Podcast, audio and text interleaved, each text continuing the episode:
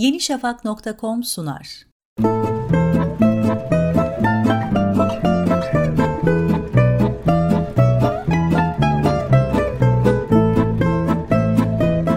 Rusya ve Kuzey Kore'yi birbirine komşu yapan Tumen sınırı.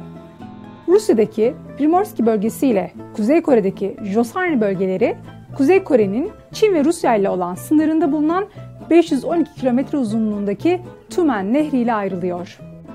Sadece 17 kilometre ile Rusya'nın en kısa sınırı olan Tümen, Sovyetler Birliği ve Kuzey Kore arasında 17 Nisan 1985'te imzalanan anlaşma ile çizildi. Kuzey Kore Rusya sınırındaki tek geçiş noktası ise Tümen Nehri üzerinde yer alan Kore-Rusya Dostluk Köprüsü'dür. 5 metre uzunluğunda, 6 metre yüksekliğinde ve 6 metre genişliğindeki Dostluk Köprüsü 1941 yılında Japonlar tarafından inşa edildi. Lineneya Ulitsa isimli yol yani Lineneya Caddesi Rusya ve Kuzey Kore'ye uzanan Druzhny Dostluk Köprüsü'ne varılacak en yakın nokta. Sınırın Rus tarafı Kasank yönetiminde, Kore tarafı ise Rason şehri yönetimine ait. Köprü Rus topraklarındaki Kasan tren istasyonu ve nehrin Kuzey Kore tarafındaki Tumangang istasyonu tarafından hizmet vermekte. Yük ve yolcu taşımacılığı için kullanılan trenler sınırı geçmek için tek yol.